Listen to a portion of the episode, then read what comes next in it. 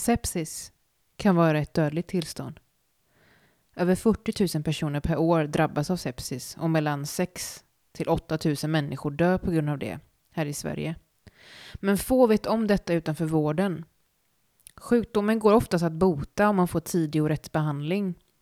Och sepsis är faktiskt vanligare än både bröst och prostata och tarmcancer tillsammans. Sepsis kan missas då symptombilden varierar väldigt mycket mellan olika individer.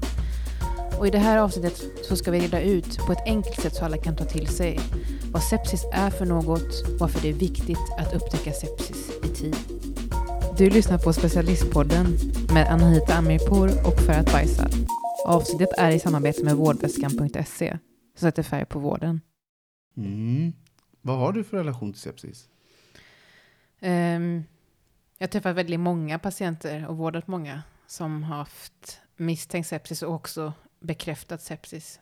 Um, det var väldigt vanligt på mitt förra jobb när jag jobbade på en eh, postoperativ avdelning där man gjort jättestor kirurgi i eh, buken. Um, jättemånga fick sepsis efteråt. Det var väldigt stort och riskfyllt ingrepp. Och de hade väldigt stora sår som, eh, där bakterierna liksom, eh, invaderade via såren. Eller via de här eh, venösa infarterna som de hade. De kunde också bli infekterade. De hade ganska stor risk för att få mm. sepsis, så att mm. säga. Och många hade ju cancer och haft liksom, ett nedsatt immunförsvar eh, också. Vad har du för eh, relation till sepsis? Alltså jag har också träffat på ganska många eh, på ambulansen. Eh, jag tycker det är ganska vanligt att vi träffar på eh, där vi misstänker mm. att det är sepsis. Sen är det kanske inte många av dem som har sepsis. Men eh, jag tycker att det är ganska vanligt och det är något jag kommer in oftast med som en vanlig orsak. Alltså liksom misstänkt. Eller misstänkt diagnos eller vad man ska säga. Vad brukar de säga på SOS när de så meddelar er de skriver aldrig i utlarmningen om att det är sepsis eller så, utan mm. det kan vara mer att ja, patienten har en infektion, kanske gjort nyligen operation och nu hög feber och utmattad. Liksom, och det står liksom inte misstänkt sepsis, eh, bla bla bla. Nej, tyvärr gör det inte det. Men alltså, många som svarar på de här telefonsamtalen är inte vårdutbildade, vilket gör att de vet nog inte så mycket om sepsis egentligen. Så ja, men eh, vad är sepsis? Ja, om man eh, tänker på ordet sepsis så är det, hör och häpna, ett grekiskt ord. Um, det grekiska ordet sipsi betyder rutten. Um, och sepsis kallades förr och förmodligen såklart än idag också för blodförgiftning. Mm. Som tyvärr är ett ganska inkorrekt och missvisande ord. Um, vi tycker ju att sepsis ska bli ett begrepp som används mer eh, utanför vården, och så, alltså ute i allmänheten, för att man ska kunna få en större förståelse för det. Eh, och det är någonting som man måste jobba aktivt med som vårdpersonal och också eh, utåt sett med medier eh, när de rapporterar om olika fall. Vad är sepsis? Ja, det är liksom ett väldigt allvarligt och livshotande tillstånd kan det vara i många fall. Eh, kroppens immunförsvar överreagerar kan man säga på en infektion. Och eh, infektionen som man får då är ju oftast bakterier och de här bakterierna kan bilda giftiga ämnen som kallas för toxiner. Och eh, det här sprider sig runt i kroppen då. Um, man kan också få sepsis av virus, av um, parasiter uh, och också svamp. Sen har den här definitionen om vad sepsis är varierat ganska mycket genom åren, men det finns nya internationella riktlinjer för sepsis och definitionen är eh, vi har liksom försökt förklara det här på ett så smidigt sätt som möjligt för er. Men det är så här, man drabbas av en infektion. Den här infektionen gör, den liksom leder till att ett organ i kroppen slutar att fungera som det ska. Och när vi snackar om organ, i det här fallet, det är liksom lungorna, eh, centrala nervsystemet, hjärtat, eh, njurarna, levern eh, eller koagulationen. Koagulationen är blodbildningen. Mm. Eh, den här kombon, alltså att man har en infektion och en organdysfunktion, alltså organet funkar inte som det ska. Det här kombon är sepsis. Och sen har man också ett poängsystem inom vården som kallas för SOFA. Och eh, när man har fler poäng, desto sjukare är man. Och man får poäng till exempel om man har ett sänkt medvetande. Till exempel man, man, man svarar inte på tilltal eller man kan också få poäng för att man andas dåligt. Vad är det då för infektioner som är vanligast? Eh, alltså vilka infektioner leder till sepsis? Eh, de vanligaste infektionerna är ju till exempel eh, infektioner i luftvägarna som lunginflammation. Kan vara i buken och i urinvägarna. Det är de allra vanligaste. Är det alltså urinvägsinfektion menar du då? Ja, mm. exakt. En vanlig urinvägsinfektion kan ja, bli till ett sepsis. Mm. Det som händer i kroppen när, vi, när en patient får sepsis är ju att eh, blodkärlen, eh, det här när du pratade i början om att eh, immunförsvaret överreagerar eh, på infektionen och det leder till att bland annat att blodkärlen vidgar sig och det orsakar blodtrycksfall så man blir, liksom har lågt blodtryck. Eh, blodkärlen börjar att läcka och det blir mindre blodvolym för hjärtat att pumpa runt i kroppen. Mm. Det här leder till att kroppens organ får mindre syre. Och när ett organ inte får syre så dör den. Eh, och i väldigt svåra fall så kan dessa bakterier eh, invadera mjukdelarna, huden och eh, ibland musklerna. Och eh, de kan orsaka i de fallen omfattande vävnadsskador eh, och eh, gör så att vävnaden dör. Eh, och då kallas det för nekrotiserande fascit. Eh, det som händer då med huden är att den blir väldigt missfärgad. Alltså den blir ju ganska mörk jag vet inte om du har sett det på tv någon gång när de är så här, liksom så här, som köldskador, att de är så blåa och sen på toppen är liksom helt så svart. Mm.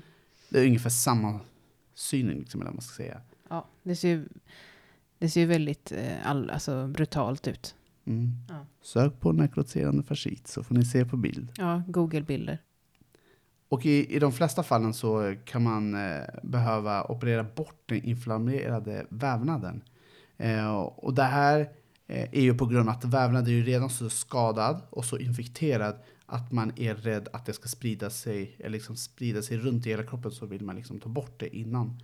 I vissa, vissa fall, i extrema fall, eh, så kan man behöva amputera eh, arm eller ben där infektionen är eh, för att förhindra att infektion sprider sig eh, till hela kroppen. Oftast är det typ sista åtgärden för att kunna rädda livet på den här patienten.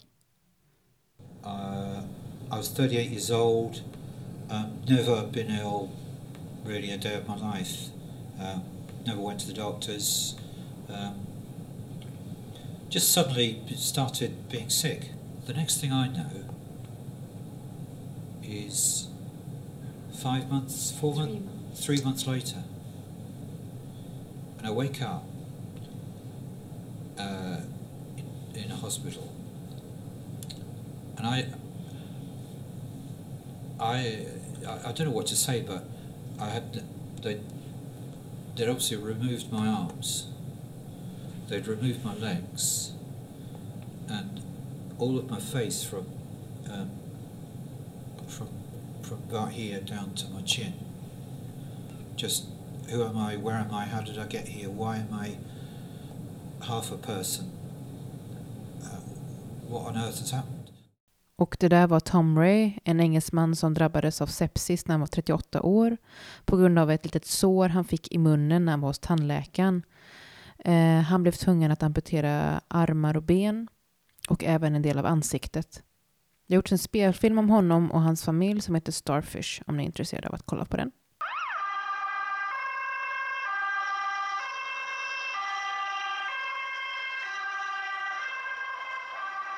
Men vad finns det för andra symptom att vara uppmärksam på? Eh, alltså hur, hur ser det ut? Alltså hur mår man när man får sepsis? Alltså grejen i sepsis eh, utvecklas eh, successivt. Alltså det börjar ju långsamt. Det är inte så att man får liksom sepsis över en timme liksom. Utan det börjar successivt och symptomen kan variera väldigt mycket från patient till patient. Eh, men i det tidiga skedet eh, så kan man ofta känna sig varm, man kan känna sig pigg, eh, torr, röd, så här rödrosig i huden. Eh, en del får feber, frossa och senare så blir bara allmänsymptom sämre och sämre. Eh, det gör att det till slut leder till att man får hög puls, man blir andfådd, liksom det blir tungt att andas. Eh, man tar liksom man andas fort eh, just på grund av att man försöker kompensera den hotande syrebristen, syrebristen i vävnaderna. Mm. För kroppen börjar förstå att okay, vissa vävnader får inte syre för att det är dålig cirkulation. Mm. Och då försöker man kompensera genom att andas fort.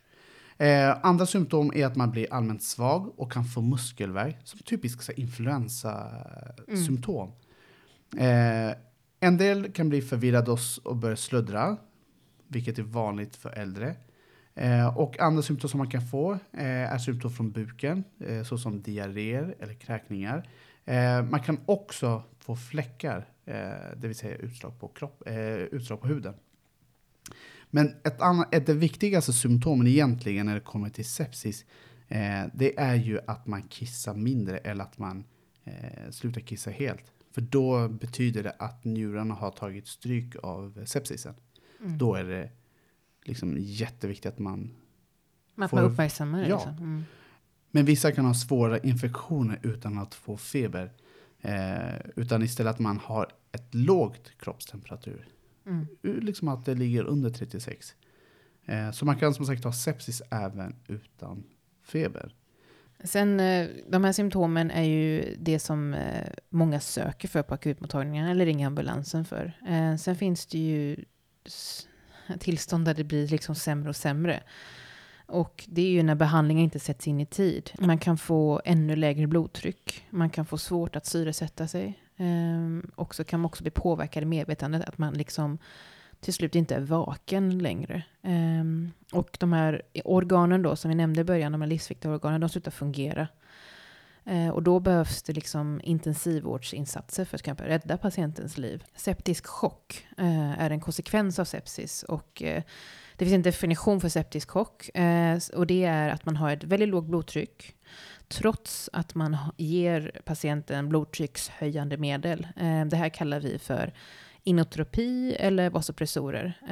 Det finns också ett blodprov som man tar väldigt regelbundet vid misstänkt sepsis eller vid diagnostiserad sepsis. Och det är laktat. Och det här laktatet eh, ska vara över 2 eh, millimol per liter för att det ska definieras som en septisk chock. Så lågt blodtryck trots eh, åtgärder med vätska och eh, de här blodtryckshöjande medlen. Eh, då ska man ju helst gärna vara på intensiven redan. Eh, för det här tillståndet är riktigt illa, eh, septisk chock. Eh, det är liksom livshotande. Och vad är det för behandling vi gör då? Eh, jo, antibiotika. Och gärna tidigt. Och ett brett verkande antibiotika ger man initialt när man inte vet vad det är för bakterie Mm. som orsakar sepsisen. Eh, sen ger man också väldigt mycket vätska. Eh, man ger alltså vätska via venösa infarter rakt in i blodbanan. Eh, sen gör man, försöker man göra något som kallas för source control. Alltså vad är ursprungskällan till infektionen? Vart har det börjat i kroppen? Man tar massor av blodprover på patienten.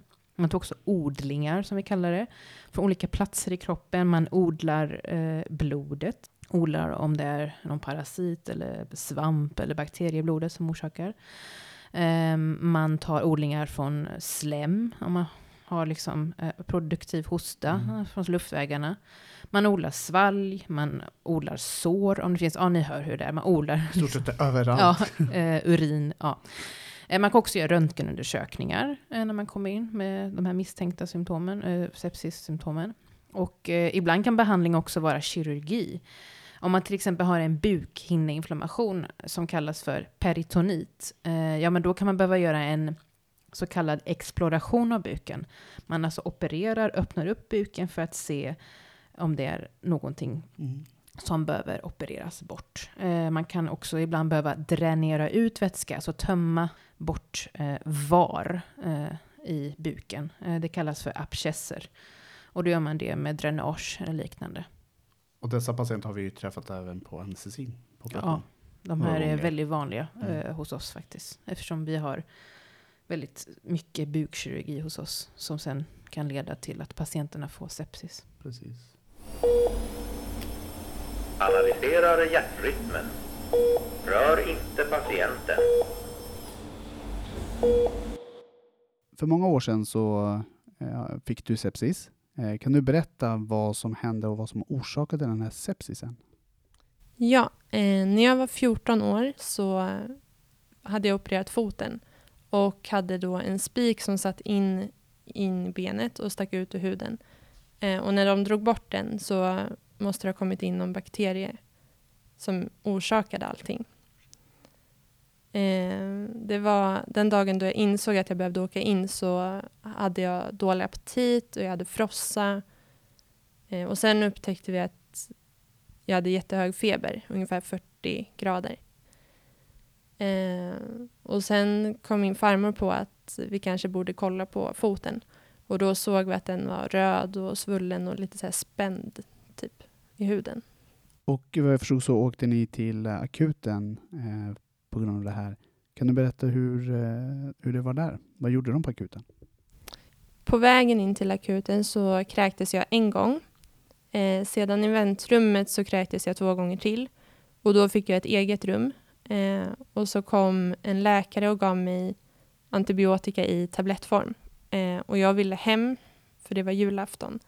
Så eh, jag sa väl att jag mådde kanske lite bättre än vad jag gjorde. Eh, och de var redo att skriva ut mig. Men de ville se hur jag reagerade. Så eh, jag, när jag gick i korridoren ut så kollapsade jag. Och då la de in mig för att få antibiotika i intravenöst. Så då blev du inlagd för att de upptäckte att du hade sepsis. Hur var sjukhusvistelsen? Hur mådde du eh, på avdelningen och eh, hur var återhämtningen efteråt? Eh, det vart någon miss i kommunikationen mellan läkare och, och den här avdelningen. Så eh, jag vaknade på förmiddagen där av att eh, jag kräktes igen. Och då hade jag liksom ingen röst. Jag kunde inte prata. Så jag lyckades på något sätt väcka pappa. Och han hämtade sköterskor. Och då insåg de att eh, jag måste ha antibiotika intravenöst. Eh, så då fick jag det. Och efter det så började jag må bättre. Men jag var jättetrött och hade ingen aptit och så. Och eh, hur länge var du inlagd på avdelningen? Och eh, hur mådde du när du fick komma hem? Hade du fortfarande något symptom kvar? Och eh, hur mådde benet? Eh, jag var inlagd i tre nätter, tror jag. Eh, och eh, vad jag minns så återhämtade jag mig alltså ganska bra, ganska fort. Jag var ju bara 14 år. Ehm, ja. Ja, och det där var som sagt intervju med Julia, 22 år gammal, eh, som fick sepsis när hon var 14 år gammal. Eh, och då kan man ju tänka sig, hur kommer det sig att eh, läkaren på akuten ville skicka hem Julia? Eh, vad var det som gjorde att de missade det när hon hade, trots det, hög feber och liksom hade ett sår, ett litet sår faktiskt på höger fot som var lite inflammerad. Eh, och det finns ju många olika orsaker till det. Eh, det ena att det kan vara ganska diffusa symptom eh, patienten har. Att man inte riktigt förstår vad de här... Ja. Mm. Alla har ju olika. Ja. Man följer inte liksom en schematisk bild. Alla patienter med sepsis har inte exakt likadana Precis. symptom. Det är därför det är svårt att liksom ta reda på att det är det. Exakt. Och eh, precis, som sagt, så alla har ju inte samma symptom. Eh, man kan till exempel ha patienter diarré och kräkningar så kan man typ tolka det som att det är en magsjuka. Eh, vilket är ganska vanligt att man tänker, det är det Mm. första man tänker på. När Ja, man hör verkligen. att okej, okay, har det kräkts och liksom haft diarré hela dagen, då Mm. okej, det kan vara magsjuka. 1177 rekommenderar stanna hemma till symptomfri 48 timmar. Ja men det är verkligen Ja. så. Även liksom de här patienterna, äldre patienter som ramlar i sitt hem och är förvirrade så misstänker man ofta att, det, att de har fått frakturer eller att det är bara en vanlig urinvägsinfektion. Ja. Eh, och inte sepsis. Det är liksom inte det första man tänker på. Eh, eller att förvirring, det här förvirringen beror på att man, eller att man misstänker att det kan vara någon stroke. Mm. Eh, och stroke är ju liksom att man har en hjärnblödning eller en eh, propp upp i hjärnan. Precis. Vilka kan få sepsis, Anahita? Alltså, kan jag få sepsis? Nu har den här eh, Tom eh, som vi hörde på tidigare, han var ju 30 år gammal när han fick. Mm, Eh, vi något sånt. hade Julia som var 14 år gammal. Mm. Alltså är det så vanligt att man kan få det i så ungt ålder? Ja, alltså många kan drabbas av det. Det finns ju riskfaktorer. Hög ålder är en riskfaktor faktiskt. Och det är obs för alla er som har äldre släktingar eller ni som lyssnar på oss och som arbetar i hemtjänst och hemsjukvård. Om det är någon som kanske blir plötsligt förvirrad eller mår bara allmänt dåligt. Mm, ja, men tänk, det kanske är sepsis eller liknande. Sen en annan riskfaktor är såklart om man har nedsatt immunförsvar. Eh, och då tänker man ju då, ja, någon som genomgår eller har gjort en eh, cancerbehandling med cellgifter. Det kan också vara att man har gjort kirurgi. Som ni hörde, Julia hade opererat sin fot. Eh, om man gjort en kirurgi under de senaste sex veckorna så är det en riskfaktor att man kan få sepsis. Och också nästa riskfaktor då, det liksom hör ihop, att man har en skadad hud. Eh, man har kanske sår, småsår, brännskador, eh, blåsor eller eh, hudinfektioner. Det är väldigt vanligt att det kan leda till sepsis. Sen har vi en annan grupp som är vanlig, vanliga som kan få sepsis. Det är de som har ett eh, intravenöst eh, missbruk som injicerar droger in i Mm. blodbanan. Eh, man använder smutsiga händer, smutsiga kanyler, allt det här eh, dras in i kroppen då. Sen en annan grupp som är väldigt vanlig som vi träffar på, det är att man har någon form av eh, konstgjord eh, koppling in i kroppen, en kateter, alltså in i ett blodkärl, i en ven eh, till exempel. Eller en kisskateter, en urinkateter. Och det här också, det här är, jag tror inte många vet det här, men gravida är också en hög risk för sepsis. Eller någon som har fött barn nyligen under de senaste sex veckorna. Och då ska vi inte glömma heller att spädbarn eh, är också en riskfaktor. Att, eh, för de är så infektionskänsliga. Så de kan också drabbas av det här.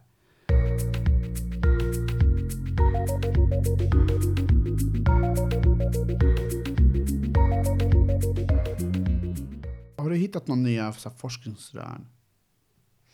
Ja, det finns väldigt mycket eh, på området. Men en sak som jag tänkte ta upp, det är en... eh, Eller det har gjorts flera studier, men den här studien som jag eh, läste mest om var en amerikansk studie.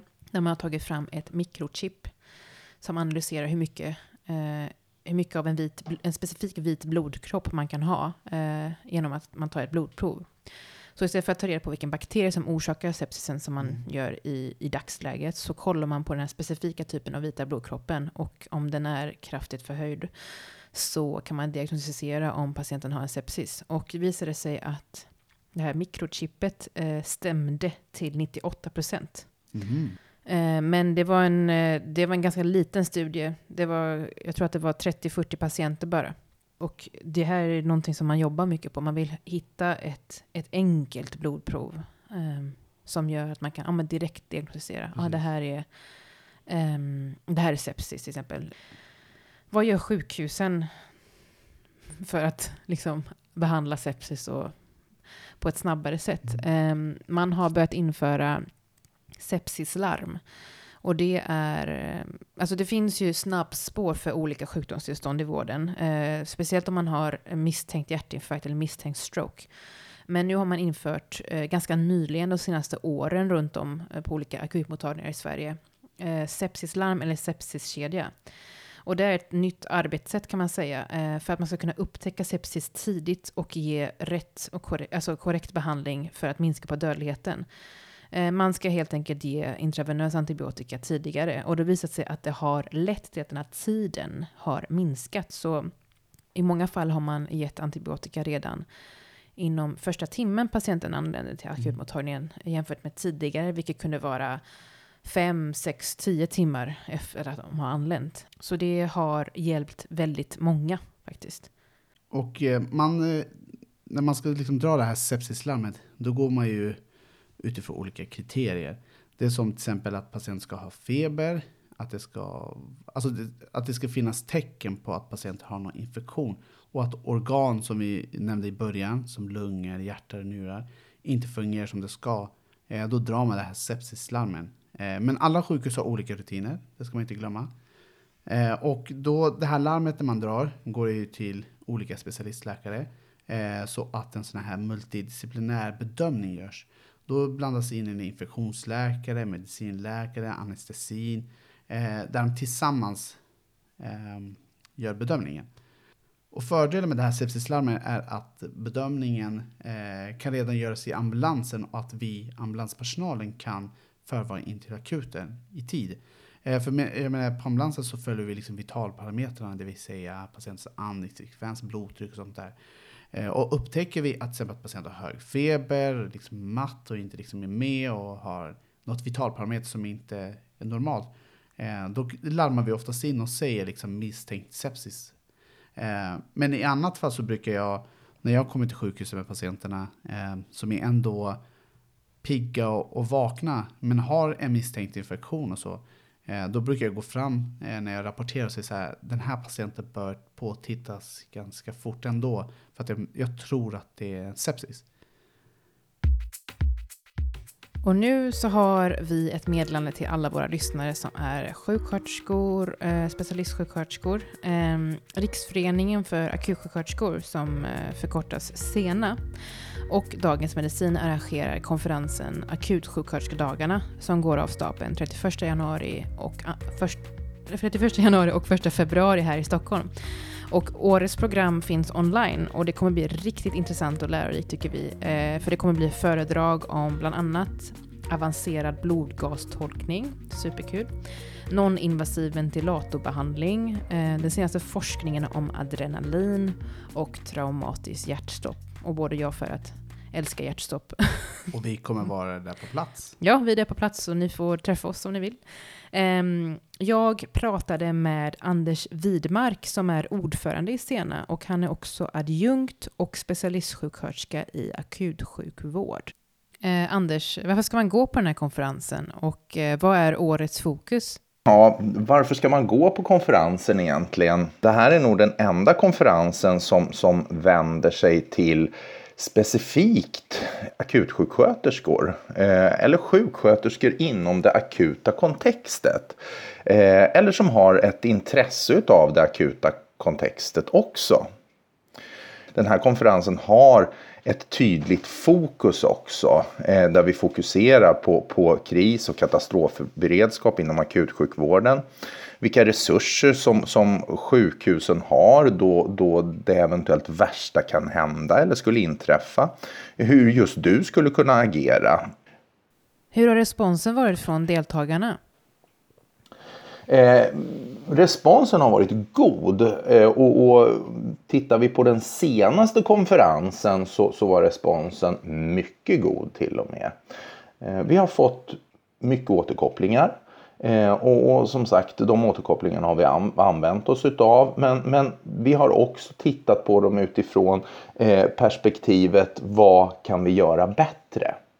Och, och, vi tror ju hela tiden på att vi kan kvalitetsförbättra. Och, och rent spontant utifrån programmet som vi har inför eh, akutsjuksköterskedagarna 2019 så, så, så är det ett oerhört starkt program. Och jag skulle nog säga, kanske eh, utan att slå mig på bröstet allt för mycket, att det här är nog bland de starkaste programmen som vi har haft någon gång vad gäller den nationella konferensen för akutsjuksköterskor. Så det är oerhört roligt att, att presentera det här och det är med, med, en stor stolthet också som, som jag tycker att man kan presentera det här programmet. Ni är ju en av de få konferenser där även sjuksköterskor och specialistsjuksköterskor föreläser. Det vanligaste är ju oftast att läkarna gör detta. Är det här ett aktivt val ni har gjort? Vilken bra fråga. Ja, vi, vi, vi har lagt ett stort fokus avseende våra föreläsare. Eh, så, så, på, på, på att föreläsarna då ska, ska eh, representera en bredd. Eh, vi har ju läkare som, som, eh, som föreläser. Vi har sjuksköterskor och vi har specialistsjuksköterskor. Och, och jag skulle tro någonstans utifrån eh, gruppen vi vänder oss mot och också utifrån eh, den, den gruppen som, som vi vill fånga upp så har vi, så har vi breddat och vidgat oss. Och jag, jag tror någonstans att eh, vi är unika i detta. Ja, jag skulle säga att det är ett aktivt val vi gjort. För vi vill vända oss till eh, egentligen hela gruppen som jobbar inom det akuta kontextet. Då har vi kommit fram till dagens myt och sanning. För att, är det okej att träna när man är förkyld eller allmänt sjuk? Svaret är Du, du. eh, nej. Man bör undvika träning om du har feber, om du har halsont, om du har diarré, led eller muskelvärk. Alla de här symptom som jag pratade om tidigare. Eh, det är nämligen så att jag har kollat på eh, studier Ehm, och fått fram att i en studie så visar det att idrottare som tränar högintensivt i 90 minuter eller mer försämras deras immunförsvar upp till 24 timmar. Orsaken till nedsatt immunförsvar visar sig vara på grund av höjda stresshormoner som frigörs under träningen. Och det är såsom adrenalin och eh, kortisol. Ehm, och eftersom att immunförsvaret är viktigt eh, för att bekämpa en infektion så blir i detta fall helt tvärtom. Eh, det finns liksom ingen stark immunförsvar och bakterien och virus sprider sig lättare ut i hela kroppen. En annan studie fick fram att maratonlöpare hade fler övre luftvägsinfektioner under perioden de sprang maraton och två veckor framåt. Och när jag pratar om övre luftvägsinfektioner så pratar jag om eh, eh, inflammatorisk reaktion i de övre luftvägarnas slemhinnor såsom i öron, näsa, bihålor, svalget. Eh, dessutom hade de här idrottarna eh, rapporterar själva att de är mer sjuka under tiden de tränar mer intensivt. Eh, och anledningen till att man bör undvika träning när man är sjuk är att om man har en infektion, som vi ser till exempel i, influensa, så ökar det som sagt risken för en allvarlig eh, infektion som myokardit, och det är hjärtmuskelinflammation, eller perikardit, hjärtsäcksinflammation, eller i kombination, att man har båda av de här. Eh, och eh, hjärtmuskelinflammation är som sagt en inflammation i hjärtmuskeln och orsakas i de flesta fall av virusinfektion. Eh, Så det räcker bara med att du har en influensa, tränar och så sprids det här viruset och orsakar det här. Eh, Och det som är allvarligt med det här tillståndet är att inflammationen påverkar hjärtats förmåga att pumpa runt blodet i kroppen. Eh, Det kan leda till att eh, till exempel att vätskan samlas i lungorna och i hjärtsäcken. Eh, Ja, och att till slut, eh, om hjärtat inte orkar jobba, att den lägger av Mm. och leder till ett hjärtstopp. Har du träffat många patienter med myokarditmisstanke eller perikarditmisstanke? Inte jättemycket. Nej, alltså inte på ambulansen. Mm. Men när jag jobbar på akuten så har jag haft det Mm. enstaka. Ja. Eh, och då har det varit så här typiskt att de har varit sjuka. Mm. Sen har de trott att de är friska. Vi säger att de kände sig Ja. idag att de kände sig friska och så bara, "Åh, nu kan jag gå och träna. Mm. Och på något sätt bara någon dag senare började få de här symptomen som bröstsmärtor och liksom allt Mm. det. Har det varit oftast- unga patienter? Det är oftast unga. Ja, det är samma för mig. Det har varit unga män främst. Mm, som precis. tränar det är, mycket. för det är det oftast man misstänker när, man, när det kommer så ung person, liksom Mm. 25-åring med bröstsmärtor. Det är sällan det är hjärtinfarkt. Då börjar man tänka på det här. Eh, så man ska undvika det. Det viktigaste är att man ska undvikas när man har feber framför allt. Mm. Men som sagt, är du sjuk, vänta hellre några dagar extra efter att du är frisk. Så du slipper det här. Det var allt från oss om sepsis. Och i nästa avsnitt ska ni höra allt om vad man gör innan man lägger sig under kniven, alltså innan en operation. Varför får man inte äta en trerätters innan operationen? Det och mycket mer får du veta i nästa avsnitt med Specialistpodden.